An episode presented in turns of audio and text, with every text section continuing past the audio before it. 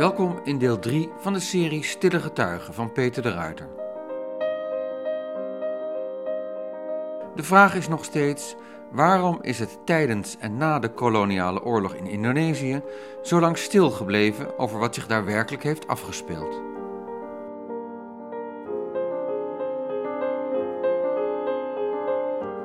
In het gesprek met historicus Gert Oost-Indie uit Leiden, waarvan je een groot deel in deel 2 hebt kunnen horen, steekt hij ook de hand in eigen academische boezem. Ook historici hebben na de oorlog de draad niet opgepakt. Het wordt ook niet belangrijk genoeg gevonden. De PvdA vindt uiteindelijk de binnenlandse ontwikkelingen belangrijker.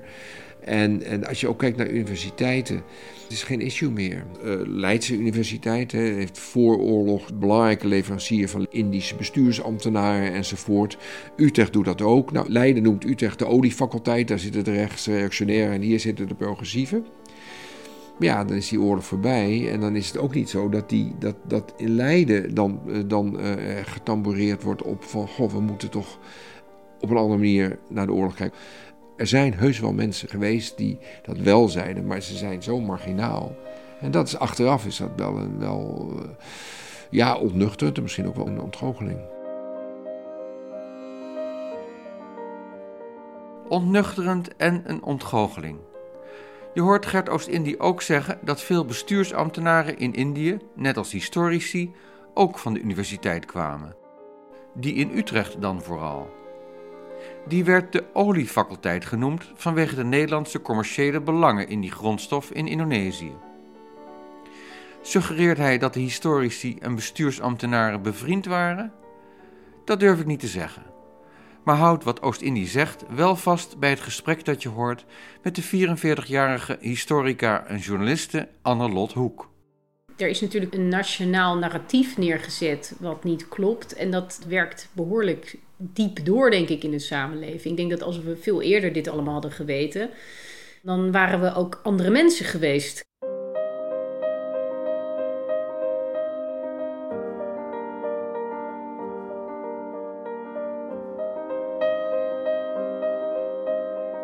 Annelot Hoek loopt in 2012 stage bij het tijdschrift Vrij Nederland, omdat ze als historicus ook een carrière als journalist nastreeft.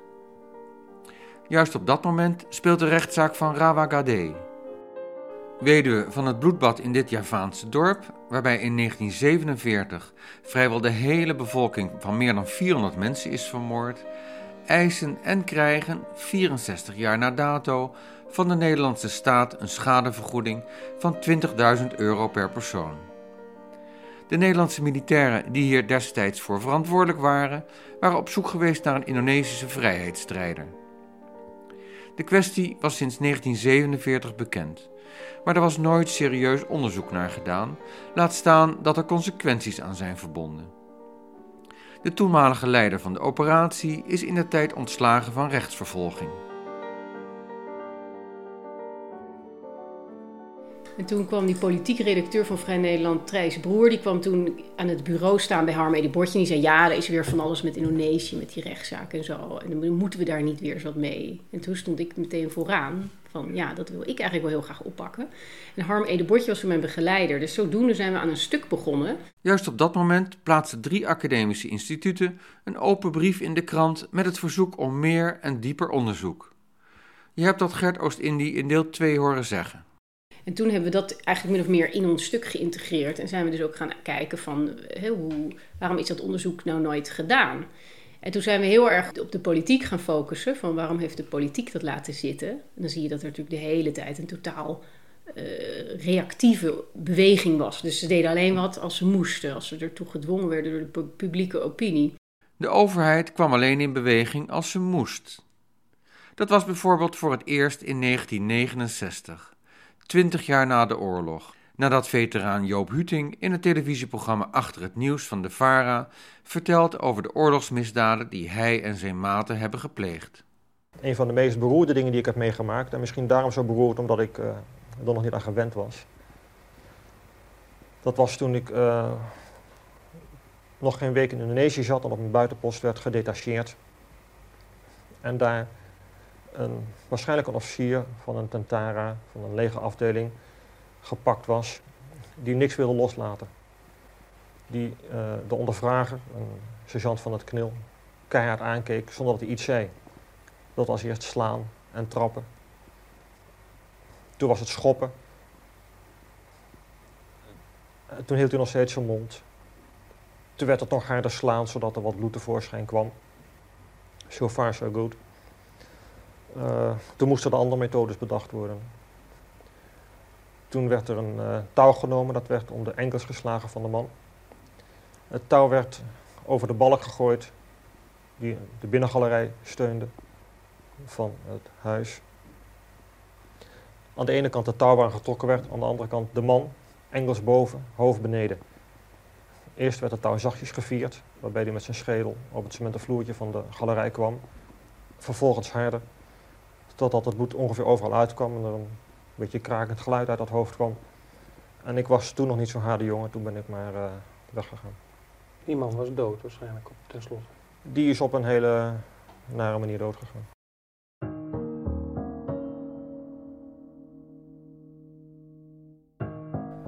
Het land en de politiek zijn in rep en roer. De toenmalige premier Pieter Jong ziet zich op last van de Tweede Kamer genoodzaakt een onderzoek te laten verrichten. Voor dat onderzoek lijkt Kees Vasseur de aangewezen man. Hij is jurist en historicus en op dat moment werkzaam op het ministerie van Justitie. In het televisieprogramma Andere Tijden vertelt Kees Vasseur in 2015 over de opdracht die hij kreeg van premier de Jong. Wat me wel opviel was dat de Jong al voor het onderzoek had gezegd dat de krijgsmacht als geheel zich correct had gedragen en dat exact dezelfde woorden ook terugkeerden in de excessennota. Dus uh, eigenlijk stond de conclusie voor hem al bij voorbaat vast. En dat was ook wel voor hem als oud marineofficier nog wel te begrijpen dat hij natuurlijk niet veel zin had om.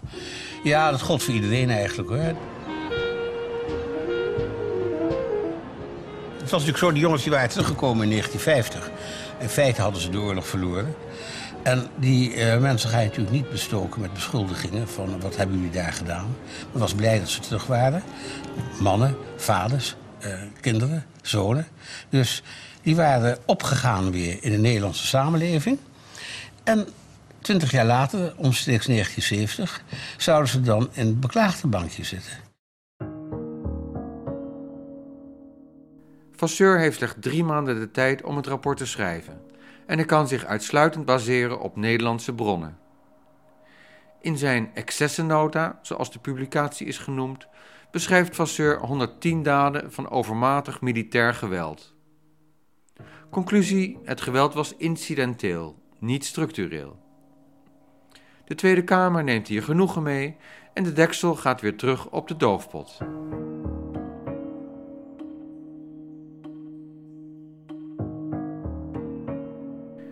Annelot Hoek heeft Vasseur voor haar stuk in Vrij Nederland ook over diens excessennota gesproken. Maar het was wel een heel merkwaardig gesprek. Omdat Kees Vasseur dus eigenlijk zei van... Nou ja, buiten mijn excessennota zal toch echt niet zoveel nieuws te vinden zijn. Maar ondertussen las je dan ook weer in de krant dat hij tegen de verslaggever zei: Ja, nee, maar mijn onderzoek eh, was maar heel beperkt tijd en dat moet allemaal nog veel beter. Dus hij gaf dit een soort van dubbele boodschap af en dat vond ik al een beetje vreemd. Maar wat hij toen wel tegen ons heeft gezegd, is van ja, ik heb in die tijd, dus in 1969, heb ik een uh, geanonimiseerde brief ingediend onder de naam van een of andere studievriend. Waarin hij dus uh, zei dat het allemaal, hè, dat, die, dat die archieven open moesten en dat er allemaal, dat het natuurlijk helemaal niet af was, die access. Nou, dus hij heeft een soort van meer, voor geanonimiseerd een protestdaad nog gedaan in 69. Maar dat mochten wij niet publiceren. Dus daar hebben we ons netjes aan gehouden, dat hebben we niet gedaan. In die brief van Vasseur, die even na de publicatie van de accessennota onder de naam van een studievriend in Vrij Nederland verschijnt, betoogt de schrijver dat zijn rapportage verre van volledig is. Hij beaamt de constatering van premier de Jong zelf dat de gegevens een zeer eenzijdig licht werpen op het zeer complexe gebeuren en dat voor een evenwichtiger oordeelsvorming een algemeen historisch onderzoek nodig is. Vasseur bepleit het instellen van een speciaal instituut als onderdeel van het NIOD.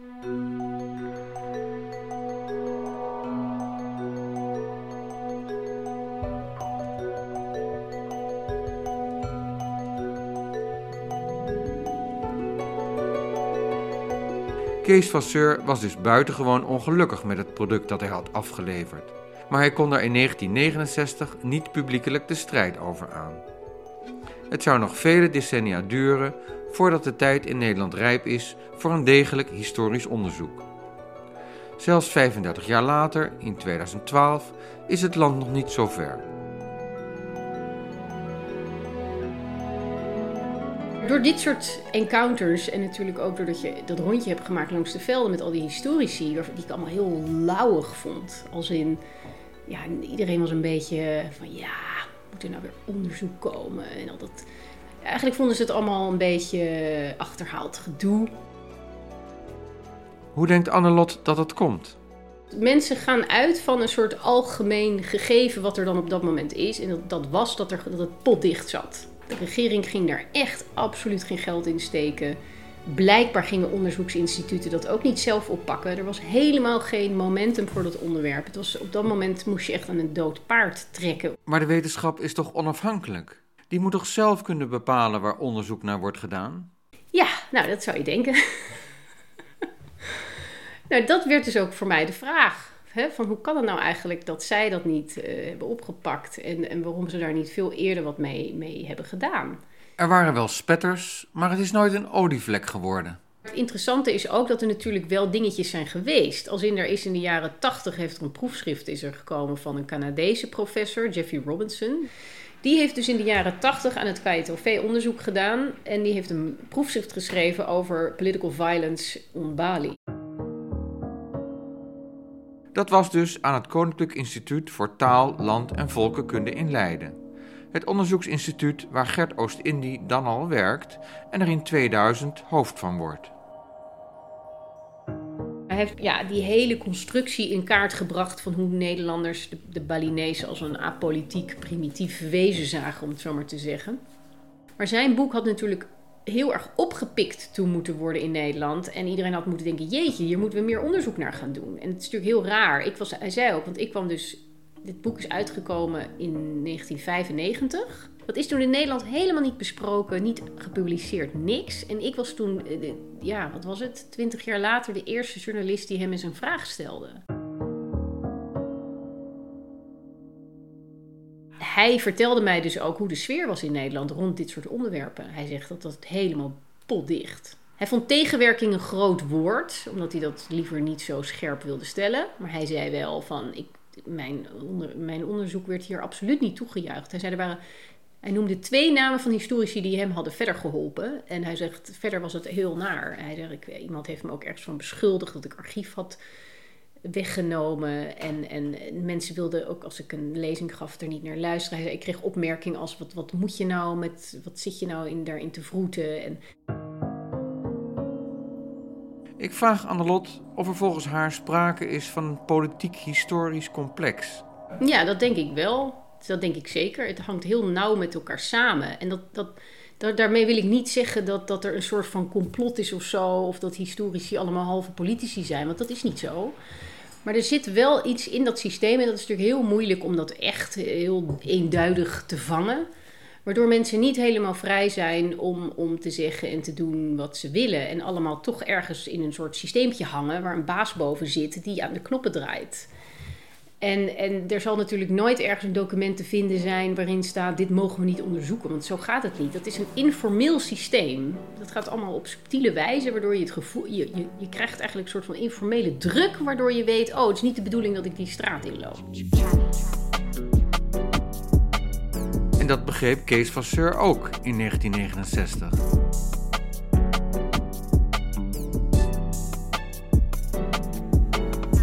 In het voorjaar van 2015 viert Nederland 70 jaar bevrijding. In juni schrijft Annelot in NRC een artikel onder de titel Historici stel de juiste vragen. Volgens haar maakt de koloniale oorlog in Indonesië, met een ongekende nasleep van menselijk leed aan beide kanten, nauwelijks onderdeel uit van ons collectief geheugen. Niet alleen is volgens Annelot de Nederlandse staat verantwoordelijk voor het verbergen van essentiële informatie, het gehele politieke en maatschappelijke establishment draagt verantwoording. Ze wijst op Gert Oost-Indie, die in het Historisch Nieuwsblad stelde dat vooral de Indonesische regering onderzoek tegenhoudt. Zij zou haar eigen bloedige verleden niet onder ogen willen zien. Maar, zo stelt Annelot, hadden wij onze kant van de puzzel niet al veel eerder en beter kunnen leggen. De historische instituten maakten zelf jarenlang weinig werk van het optekenen van ooggetuigenverklaringen van veteranen en het nagaan van duizenden pagina's archiefmateriaal. Maar vooral van het stellen van de juiste vragen. Daardoor lopen ze nu al 65 jaar achter de feiten aan. Daar heeft de Indonesische regering niets mee te maken. Geschiedsverzwijging is geschiedsvervalsing, stelt Annelot aan het einde van haar stuk in NRC. Ja, dat is het natuurlijk wel. Ja, want je ziet wat het effect ervan is van dat zwijgen. Dat is gigantisch geweest. Want daardoor is het door die hele historiografie eigenlijk gewoon in een, zijstraat beland. In, in de marges eigenlijk van, van wie wij zijn.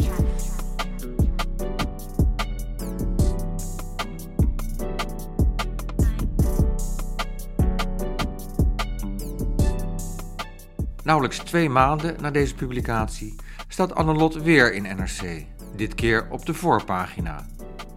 Aanleiding is het proefschrift van de Zwits-Nederlandse Remy Limpach, weer een relatieve buitenstaander die op het punt staat te promoveren aan de Universiteit van Bern.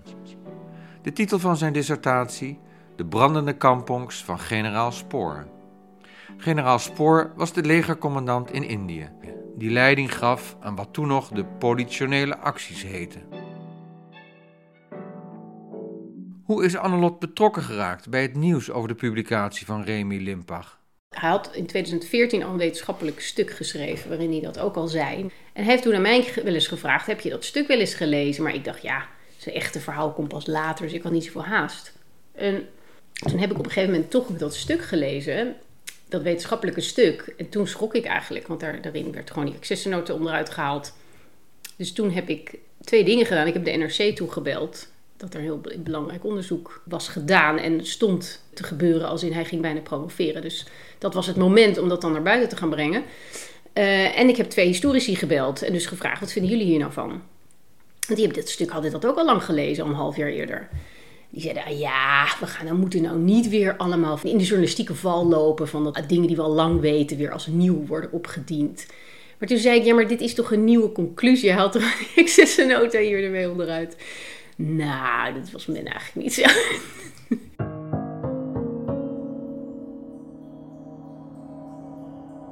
Aan de ene kant ben ik het achteraf wel ook gaan begrijpen. Omdat de, de, de, wetenschap is wel een hele, heeft een hele andere dynamiek dan de journalistiek. Dus dingen die in de wetenschap bekend zijn, die zijn heel vaak bij het grote publiek totaal onbekend. En die hmm. wetenschappers zijn daar dan vaak niet van op de hoogte dat het totaal onbekend is.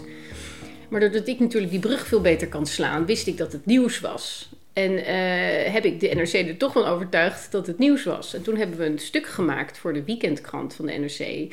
En dat is toen enorm opgepikt intern. En ineens stond het op de voorpagina. En ineens was het heel groot nieuws. Dus die Remy Limpach schrok zich een ongeluk. En ik ook. Want het leek net alsof ik dat allemaal in scène had gezet. Maar dat was helemaal niet zo. Dat liep helemaal uit de hand.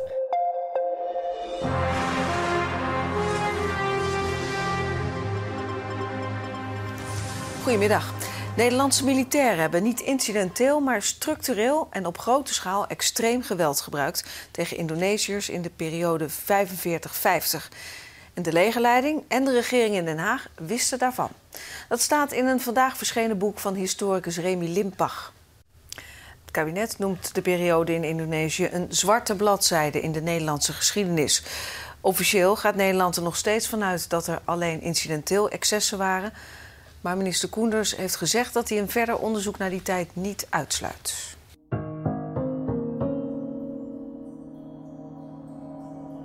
Ja, dat, zo is dat toen gelopen. Maar doordat, doordat dat natuurlijk heel groot werd, uh, werd de vraag ook pregnanter van waarom hebben die historici dat eigenlijk laten liggen. En toen kwam ik natuurlijk ook weer terug bij Vasseur. Want op het moment dat ik dat stuk moest schrijven voor de NRC over Remy Limpach, moest ik hem om reactie vragen. Dus ik moest Vasseur bellen en vragen, goh meneer Vasseur, hoe kijkt u er nou op terug?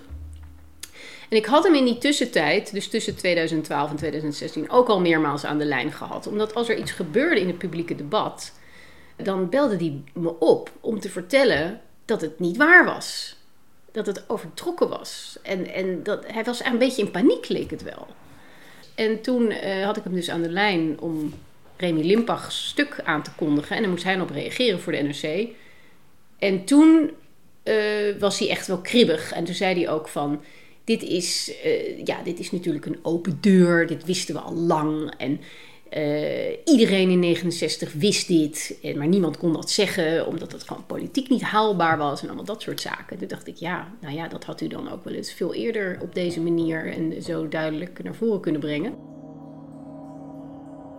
Dat iedereen dit in 1969 wel wist, zoals Kees Vasseur zegt, klopt. Hans van Mierlo, een van de oprichters van de politieke partij D66, gebruikt woorden van gelijke strekking in een uitzending van het tv-programma Achter het Nieuws in 1969. Het programma is die avond geheel gewijd aan de ontboezemingen van Joop Huting een week eerder en betreft een discussie met mensen die dicht bij het vuur van de koloniale oorlog stonden. Van Mierlo is de uitzondering. Zijn partij is dan drie jaar oud, hij zelf 38. Je hoort Joop Huting hem bijvallen. Juist omdat ik uh, fractievoorzitter ben van een onbelaste partij... past mij eigenlijk uh, in deze stand van, van feitenkennis... de nodige bescheidenheid, vind ik, ten aanzien van het verleden. Um, mijn eerste reactie was eigenlijk... Ja, je, bent, je denkt eigenlijk veel meer aan, aan wat er moet gebeuren allemaal in de toekomst. En mijn eerste reactie was eigenlijk... en uh, ik betrapte me daarop van moeten we nu weer een stuk nationale energie gaan uh, besteden aan, aan het verleden. Tegelijkertijd eigenlijk kwam het besef dat het, wat ik zo hoorde eigenlijk niet zo heel nieuw voor me was. Dat had ik al eigenlijk in de straat wel eens gehoord. En van, Vind ik heel belangrijk wat u nu zegt. En van, en van mensen. En toen kwam ik tot, tot de conclusie dat er, en zonder dat ik hier een, een oordeel erover uitspreek dat er eigenlijk misschien toch wel, en dan sluit ik aan op wat de heer Koets misschien gezegd heeft, een stukje uh, verdringing van een publiek nationaal geheim heeft plaatsgehad. Daar bedoel ik helemaal niet mee dat het Nederlandse leger zo verschrikkelijk tekeer is gegaan, maar gewoon dat wellicht die dingen gebeurd zijn. Het, als, als, je ziet dus dat er uh, hier en daar in de, in de pers, ik heb nu wat, wat, wat krantenknipsels opgehaald van vroeger, hebben er dus van die stukken gestaan. Daar kwam geen follow-up op, geen nee. vervolg. Uh, in de Kamer is door de heer Goedhart zijn vragen gesteld. Als je goed de handelingen leest, dan zie je niet eens de toezegging van Van Meerseveen dat er werkelijk een onderzoek zal plaats hebben. Het zou gebeuren op klachten en we weten, althans ik weet niet, wat daarmee gebeurd is. Terecht heeft de heer Den Elder op gevraagd. Ook vragen van de heer Logeman zijn in de Kamer gesteld uh, ten aanzien van de acties van Westerling. En de heer Van Maarseveen heeft in de tijd, dat las ik, heeft bijvoorbeeld daar een zeker openbaar debat over toegezegd. Dat heeft nooit plaatsgehad. Het krankzinnige doet zich voor dat zeer vele mensen wisten dat, laat ik het voorzichtig zeggen, wellicht deze dingen gebeurden. En dat er een huivering was om het aan te pakken. En dan moet ik zeggen dat ik blij ben dat deze zaak nu toch aan de orde is. In de hoop dat er geen heksenjacht gaat komen. In de hoop dat het mogelijk is om onszelf duidelijk te maken. Ten eerste, dat geen enkele oorlog schoon is. Laten we daarvan uitgaan. Ten tweede, dat Nederlanders beslist niet schoner zijn in een oorlog dan andere volken. En ten derde, dat er misschien uit dit soort zaken te leren valt, vooral met het ontwikkelde gevoel voor de rechten van de mens wat sindsdien heeft plaatsgehad, wat je voor maatregelen zou kunnen nemen om excessieve vergrijpingen tegen het oorlogsreglement of oorlogsmisdaden tijdens die toch al niet zo schone oorlog, om die te voorkomen.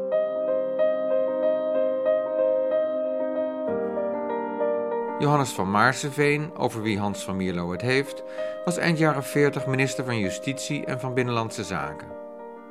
Ook dan al heeft van Mierlo het over verdringing van dit oorlogsverleden. Maar zijn woorden zijn niet in vruchtbare aarde gevallen. Het is zoals Kees Vasseur zei: iedereen wist het, maar niemand kon het zeggen. Toch gek voor een democratie in een land waarin wij ons beroemen op onze directheid. Als Nederlander ben je altijd van doordrongen dat wij heel direct zijn. Ik weet nog dat ik, ik heb een keer een, onderzoek in Afrika gedaan voor het Afrika Studiecentrum. Dat was toen ik net afgestudeerd was. En uh, toen moesten we onderzoek doen naar ontwikkelingssamenwerking in Afrika en hoe dat aan die kant was ontvangen. Dus wij gingen naar allerlei landen en zaten we daar, weet ik veel hoe lang, allemaal mensen te interviewen. En het grappige was dat we dus altijd te horen kregen over onze directheid. Dus dat, dat, dat stond zo op de voorgrond, zowel bij die Nederlanders zelf als bij die ontvangers ervan. Gewoon die botte directheid. Maar het grappige is dat dat is een soort nationaal karaktertrek geworden waar we onszelf heel erg op voorstaan. Je kan hier alles zeggen. We kunnen eigenlijk te veel zeggen, waardoor het allemaal zo onbeschoft wordt en zo.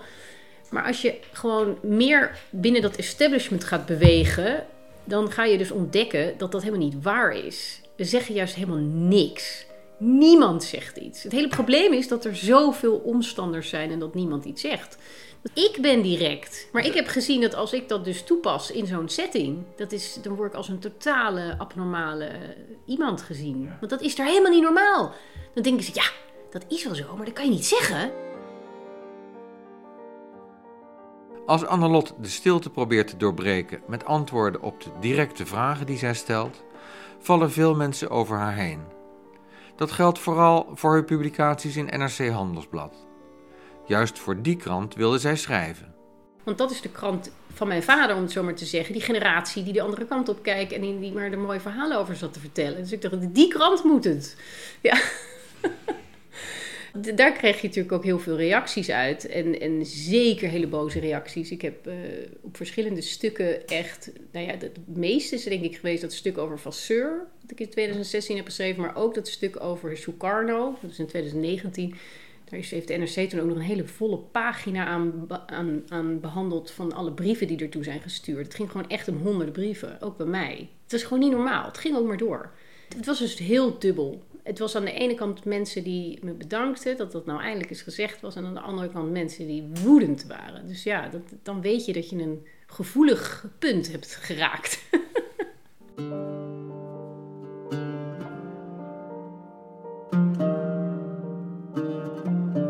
Sukarno, een van de leiders van de Indonesische vrijheidsbeweging, lag en ligt heel slecht in Nederland. Niet alleen wordt hem kwalijk genomen dat hij collaboreerde met de Japanse bezetter in Nederlands-Indië, hij zag Nederland ook het liefst verpletterd. Dit kun je horen in een gesprek dat Koos Postema in 1977 heeft met Willem Drees, de man die vanaf 1948 minister-president is in Nederland. Tijdens het gesprek is hij inmiddels 91 jaar oud. Maar Sukarno was aanvankelijk onaanvaardbaar. Niet alleen heeft hij met Japan zo samengewerkt, dat neem ik in Indonesië niet kwalijk zoals het de Nederlanders het doen, maar hij heeft Hitler en Mussolini verheerlijkt. Hij heeft de hoop uitgesproken dat Engeland en Amerika verpletterd zouden worden, dat het nationaal socialisme, het fascisme en Japan de wereld zouden beheersen. Iemand die voor een dergelijk kolonialisme ten opzichte van Europa is, die kunnen nog niet ineens als de bevrijder van Indonesië beschouwen. En Aanvankelijk is dus geweigerd met hem te overleggen. Dat is achteraf beschouwd, naar dat ogenblik beoordeeld, volkomen begrijpelijk. Na haar publicaties is Annelot door verschillende Tweede Kamerleden uitgenodigd om te praten over haar observaties en de wenselijkheid van diepgaand onderzoek.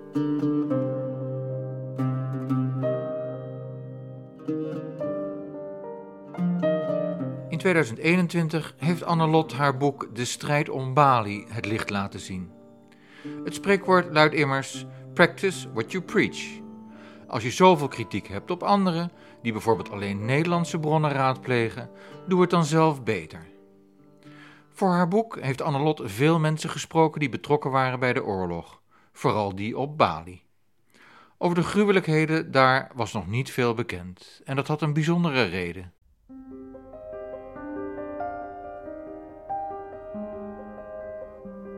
Bali was onderdeel van, uh, van Oost-Indonesië. Dat werd vroeger de buitengewesten genoemd, of de Grote Oost. Dus dat waren eilanden zoals Bali en uh, Sulawesi, Borneo.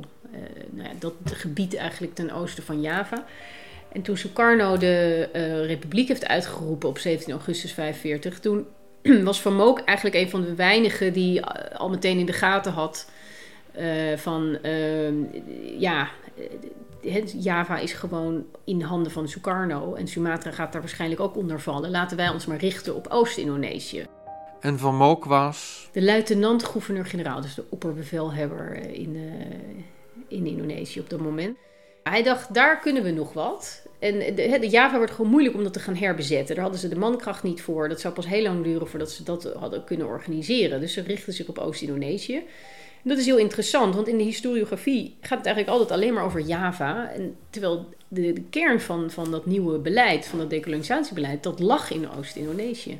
En wat de historiografie niet heeft gedaan, is gekeken van, ja, wat gebeurde daar dan eigenlijk in die gebieden?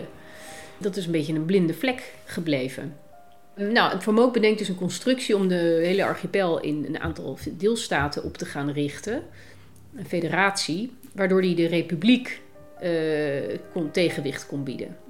En de eerste deelstaat die moet worden opgericht is Oost-Indonesië. En daar zou Bali dus ook onder vallen.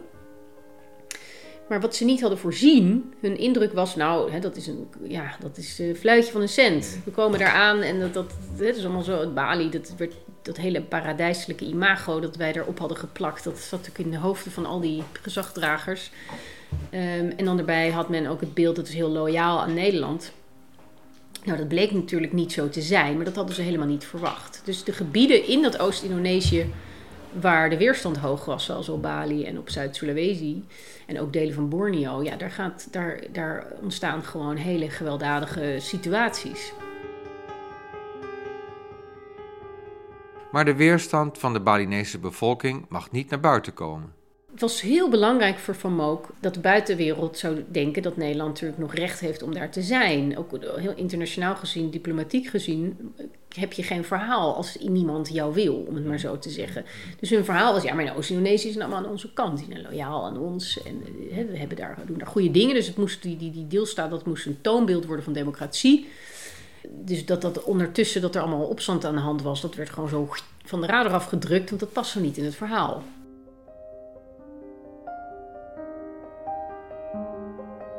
Annelot kan voor haar boek voortborduren op het onderzoek dat Jeffrey Robinson eind vorige eeuw heeft verricht.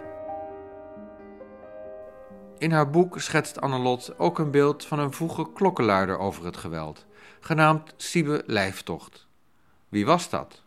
Siebe Lijftocht was een uh, Indoloog, die heeft in Utrecht gestudeerd. En hij uh, is tijdens de Tweede Wereldoorlog bij, heeft hij zich aangesloten bij het Utrechtse studentenverzet hij is later ook coördinator geworden bij het Nationaal Comité van Verzet, onder leiding van Marianne Tellege. Hij is naar, naar Indië gegaan als bestuursambtenaar omdat hij uh, die uh, Indonesische onafhankelijkheid was inmiddels uitgeroepen. Hij wilde daar de bevolking gaan helpen met de opbouw van de nieuwe natie Indonesië. Hij vond dat Nederland daar nog een taak te doen had. Maar was dat zijn opdracht om het land op te bouwen? Nee, nee, dat was niet zijn opdracht. Maar zo ging hij er wel naartoe. Eh, hij, hij, hij ging eigenlijk heel idealistisch en bevlogen naartoe. Hij dacht, wij hebben hier de vrijheid gekregen en dat, dat, dat is voor hun ook belangrijk.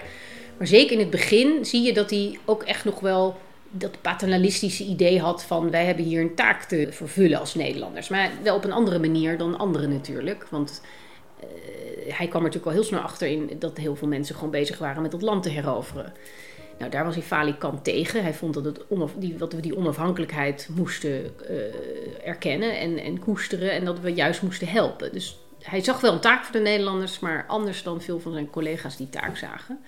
Daar kreeg hij natuurlijk een enorm conflict mee uh, op het eiland Bali toen hij daar gestationeerd was. Conflict met wie? De gezagvoerders op het eiland, maar ook met zijn collega's. Zijn directe collega's waren vaak oud-koloniale ambtenaren. Die nog helemaal in die oude tijd leefden. En op een manier naar Indonesiërs keken die hij gewoon uh, ja, totaal racistisch noemde in zijn brieven. Dus hij loopt tegen een realiteit aan waar hij al heel snel van in de gaten heeft van we hebben hier eigenlijk niks te zoeken. Hoe uitte hij die gedachten? Hij is brieven gaan schrijven niet naar de meerdere naar wie hij dat had moeten schrijven binnen de lijn van de hiërarchie waarin hij werkte.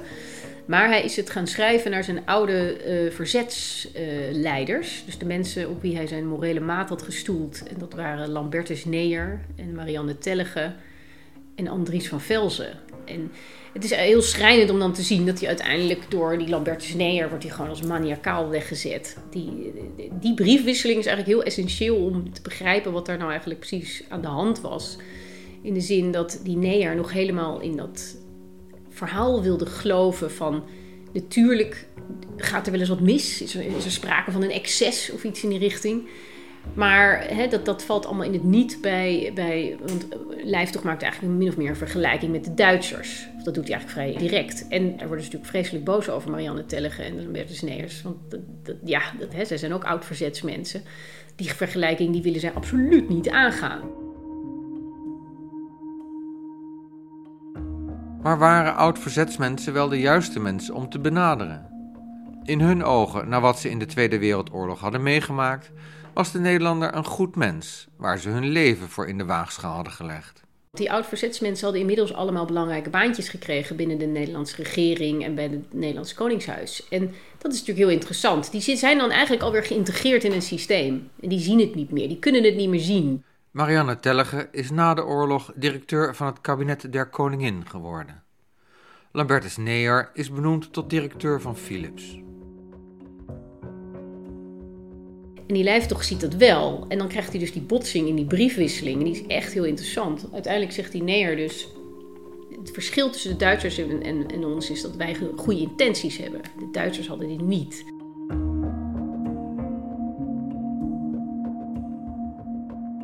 Dat had natuurlijk ook mee te maken, en dat schrijft hij ook naar die van als, als u denkt dat hier geen Nederlandse terreur plaatsvindt, dan bent u heel slecht ingelicht over wat er buiten de bureaus van Jakarta om plaatsvinden. Dat was natuurlijk ook zo. Die mensen zaten achter een bureau. Hij zat daar in het veld, om het maar zo te zeggen. Hij zag goed eigenlijk wat er gebeurde bij die inlichtingendienst. Dat was natuurlijk de werkelijkheid. En zo wordt het vuurtje dat Sibyl toch wil ontbranden al snel weer gedoofd. Sterker nog, hij wordt overgeplaatst naar een ander eiland. Sibes ambitie eindigt in een deceptie. Hij wilde ook niets meer met, ooit meer met de Nederlandse regering te maken. Dat vond ik wel tekenend, want hij is, is nog wel een baan aangeboden. Want dan uiteindelijk willen ze zo iemand toch inkapselen. Dat is toch wel beter, maar daar had hij geen trek in. Terug in Nederland heeft hij aan de hele affaire geen woord vuil gemaakt. En is hij verder gegaan met zijn leven.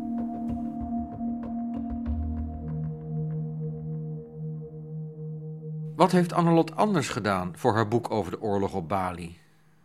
Tot die tijd eh, is het toch altijd veel het onderzoek op Nederlandse archieven gericht. En op, um, ja, op dat Nederlandse verhaal. En daar wilde ik nou eens van af. En natuurlijk heb ik ook heel veel Nederlanders gesproken. En heb ik een enorm gedeelte van het boek op de Nederlandse archieven gebaseerd, absoluut. Maar door te combineren met veldonderzoek daar, door echt daar ter plekke te zijn en, en dat onderzoek te doen en met mensen in gesprek te gaan, uh, krijg je gewoon toch echt een heel ander perspectief. Want hè, als je met mensen in gesprek gaat, dan gaat het helemaal niet zoveel over geweld. Als in als je met Balinezen gaat praten, dan willen zij gewoon praten over hoe ze hun strijd hebben gevoerd en wat de successen daarvan waren. En, dus je krijgt een totaal andere invalshoek. Maar ook als het gaat over geweld, dan kom je er ook achter dat ja, wat daar dan echt is gebeurd, dat haal je gewoon niet uit een archief. Wat heeft Annelot onder meer ontdekt dankzij haar langdurige werkzaamheden op Bali? Nou, waar ik bijvoorbeeld achter ben gekomen zijn uh, een heel stelsel van, van gevangenkampen op Bali. Het zogenaamde Tangsi-systeem. Een Tangsi is eigenlijk een, een, ja, een legerkampement waar het, waar het leger in gestationeerd is. En op Bali betekende het ook gevangenis. Althans, ik merkte dus in die interviews dat zij naar een Tangsi refereerde als een gevangenis.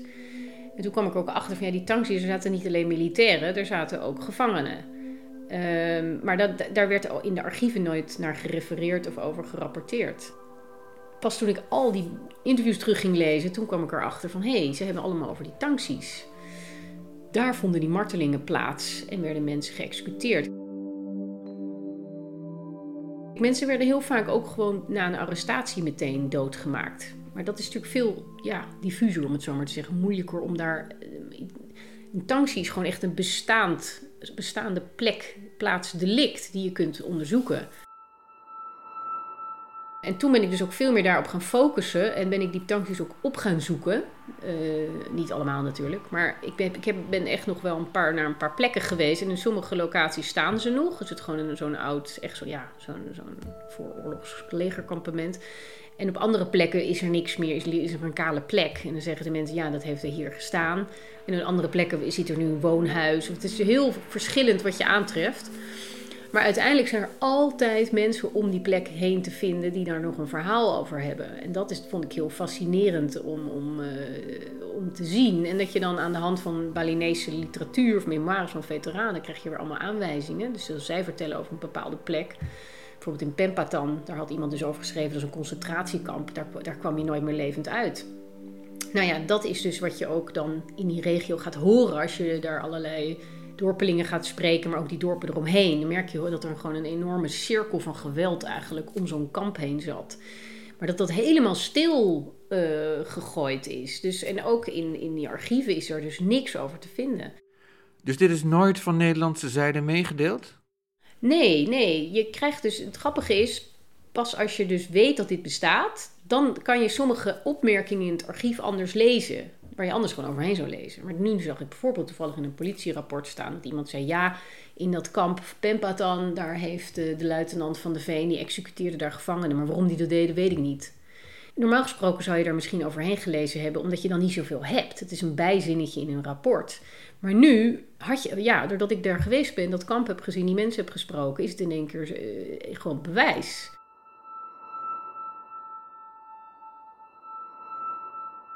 Die puzzel moet je dus gaan leggen. Nou, dat is natuurlijk monnikenwerk. Maar dan kom je er wel achter hoe ver autoriteiten gaan om dit soort zaken uit de paper trail te houden. En hoe dat dan weer doorwerkt in de geschiedschrijving, omdat het dan vervolgens niet bestaat. Met haar onderzoek op Bali was Annelot er misschien net op tijd bij. Ze heeft nog net overlevenden kunnen spreken. Was dat niet gebeurd, dan had haar boek veel lege bladzijden bevat. Een geschiedenis die je niet opschrijft, bestaat op de lange duur niet meer. Vandaar mijn vraag aan Annelot: wat gaat er mis bij onderzoek dat je niet of te laat doet? Veel, denk ik. Er is natuurlijk een nationaal narratief neergezet wat niet klopt. En dat werkt behoorlijk diep door, denk ik, in de samenleving. Ik denk dat als we veel eerder dit allemaal hadden geweten, dan waren we ook andere mensen geweest.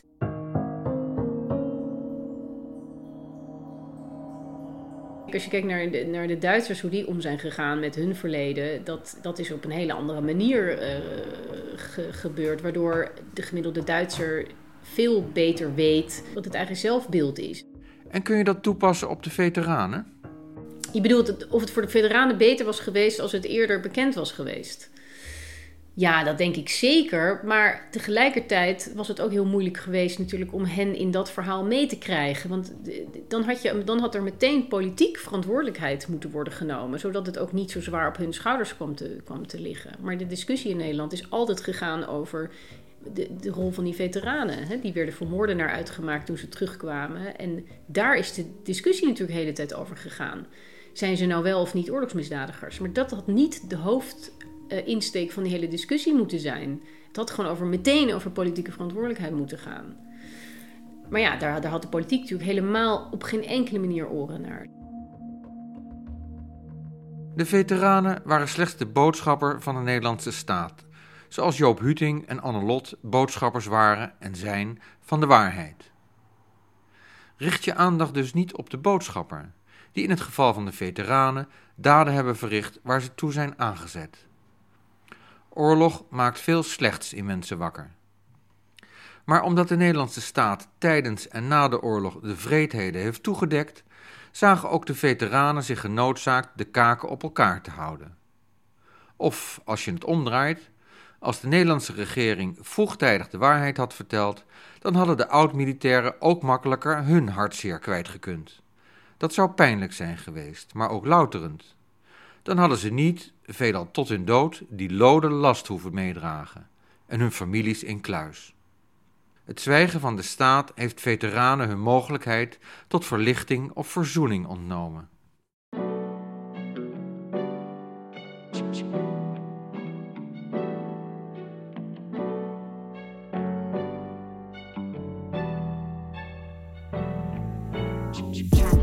Ik moet denken aan Kim Phuc, het meisje van de Vietnamfoto.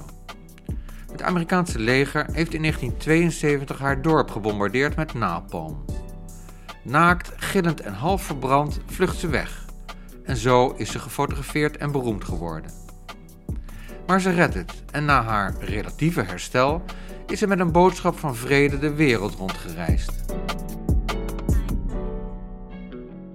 In 2014 was ze weer in Nederland en hoorde ik haar in Arnhem op de Bridge to the Future lezing vertellen hoe ze in 1996 John Plummer heeft ontmoet.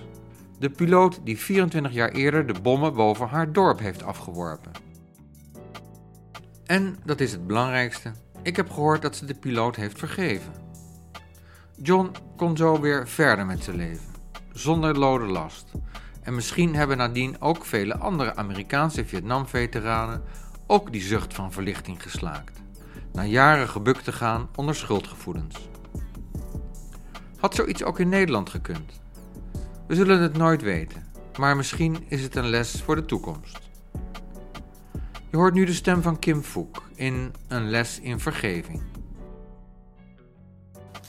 The most difficult lessons of all was learning how to forgive.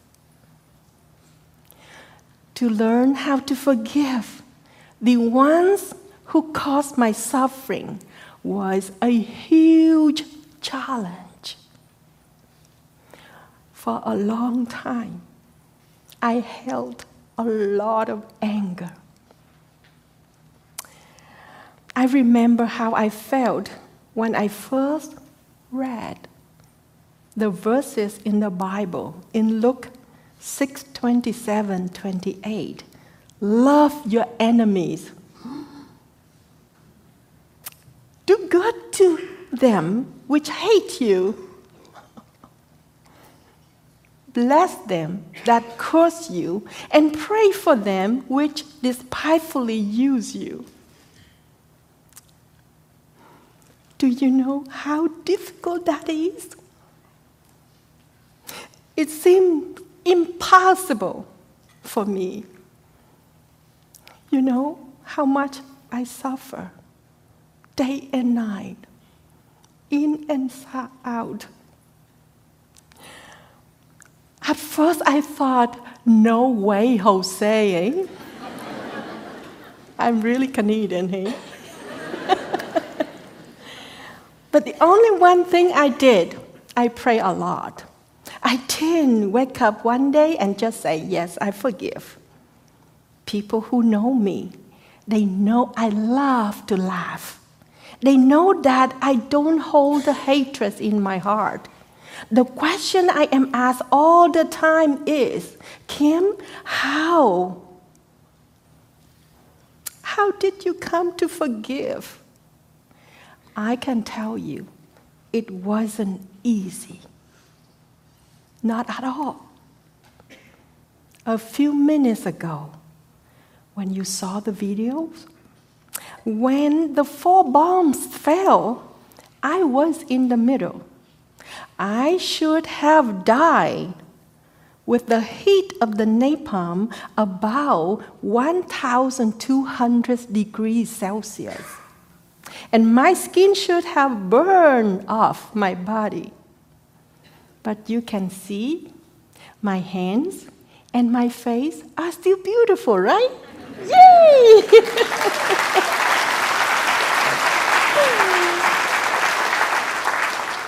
So I began by learning to be positive.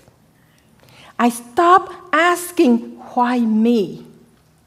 I counted my blessing instead of complaining. I trust, I trusted God to help me learn how to forgive. And I started to work on that process.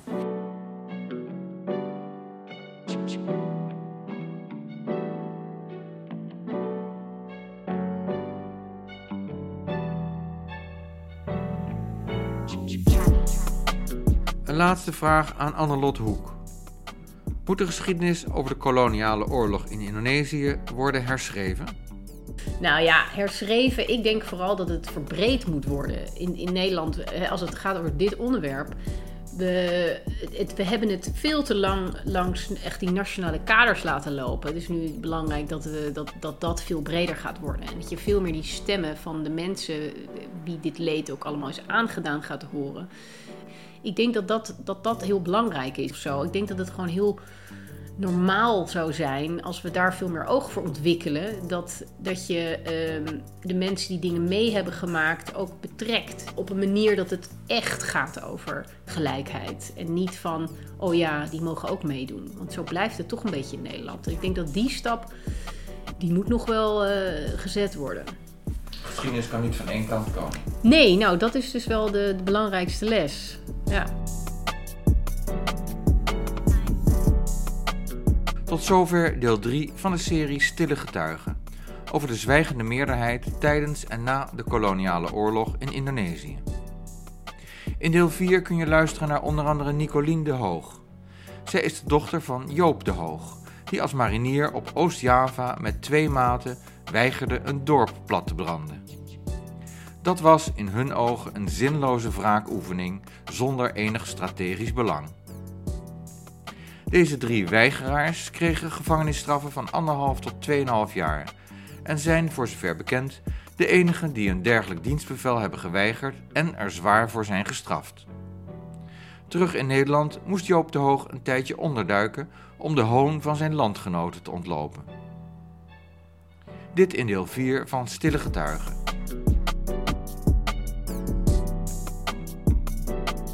Stille Getuigen is een productie van Peter de Ruiter, die ondersteund wordt door het Eva Tasfonds.